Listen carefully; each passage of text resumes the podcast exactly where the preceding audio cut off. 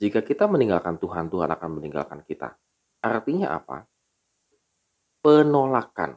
Kalau kita menolak firman Tuhan, kalau kita menolak mendengarkan nasihat yang benar sesuai dengan firman Tuhan dan lain sebagainya, maka sebenarnya itu kita menolak Tuhan.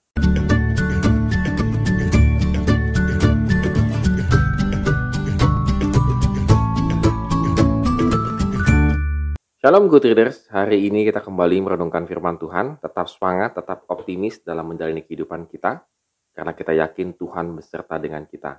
Dan kita akan merenungkan dari 2 Tawari pasal 15 ayat 1 sampai dengan yang ke-19. Tetap semangat juga ya membaca dan merenungkan firman Tuhan. Good readers, eh, Raja Asa pada saat ini konteksnya itu adalah sedang membersihkan kerajaan Yehuda dari penyembahan berhala. Dia tetap konsisten untuk berusaha membersihkan segala sesuatunya. Dan Tuhan memakai um, Nabi Azra, Azra bin Oded untuk menyampaikan hal yang sangat penting kepada Raja Asa. Di ayat yang kedua, ia pergi menemui Asa dan berkata kepadanya, Dengarkanlah kepadaku Asa dan seluruh Yehuda dan Benyamin. Tuhan beserta dengan kamu, bila mana kamu beserta dengan dia. Bila mana kamu mencarinya, ia berkenan ditemui oleh olehmu. Tetapi bila mana kamu meninggalkannya, kamu akan ditinggalkannya. Ada tiga pesan yang penting dari ayat ini untuk direnungkan oleh Raja Asa dan juga untuk kita.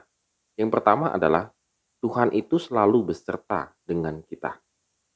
Jadi artinya beserta dengan kita selalu berjalan bersama-sama dengan kita. Kalau kita lihat konteksnya Matius, Immanuel selalu menyertai kita sepanjang masa.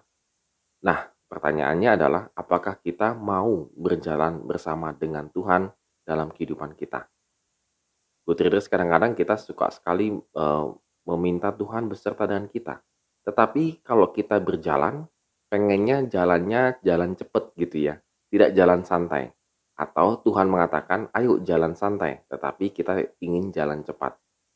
Kita bisa membayangkan bagaimana kalau kita sedang olahraga, jalan gitu berserta dengan teman kita, Nah, yuk kita jalan jogging atau sama-sama jalan pagi sama-sama.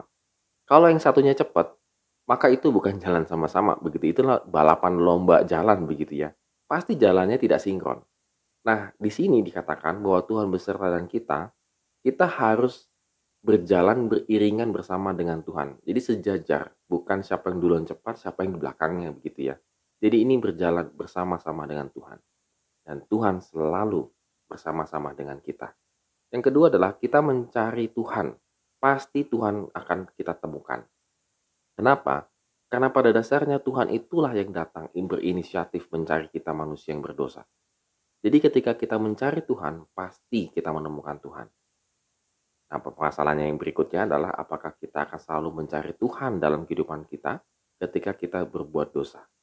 Ada begitu banyak orang yang berbuat dosa malah tidak mencari Tuhan untuk bertobat begitu ya tetapi malah hidup di dalam dosa. Saya, saya rasa kita sering kali juga terjebak dengan hal ini. Ketika kita berdosa, justru malah kita tidak datang kepada Tuhan untuk beribadah. Malah justru kita harus beribadah supaya kita diampuni, kita mencari Tuhan. Yang ketiga adalah jika kita meninggalkan Tuhan, Tuhan akan meninggalkan kita. Artinya apa? Penolakan. Kalau kita menolak firman Tuhan, kalau kita menolak mendengarkan nasihat yang benar, sesuai dengan firman Tuhan dan lain sebagainya, maka sebenarnya itu kita menolak Tuhan. Jadi bukan Tuhan yang menolak kita, tetapi kita yang menolak Tuhan sehingga kita ditinggalkan oleh Tuhan. Artinya ditinggalkan oleh Tuhan, kembali lagi, good readers, hidup kita di dalam dosa.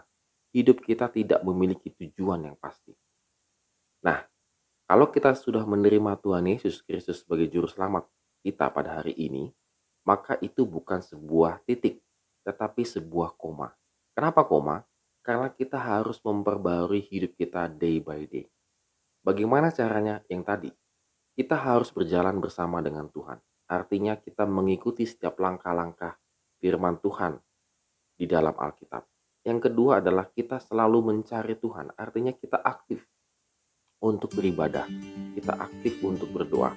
Kita aktif membaca firman Tuhan. Karena hal-hal inilah yang memperbarui kehidupan kita.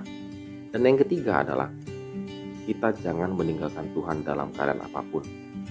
Dalam kondisi apa pun, kita tetap percaya, beriman kepada Tuhan. Oleh karena itu, Good Readers pada hari ini, mari kita bangun kehidupan kita untuk selalu diperbarui di dalam Tuhan. Sehingga kehidupan kita adalah selalu memuliakan namanya. Amin. Have a nice day and God bless us.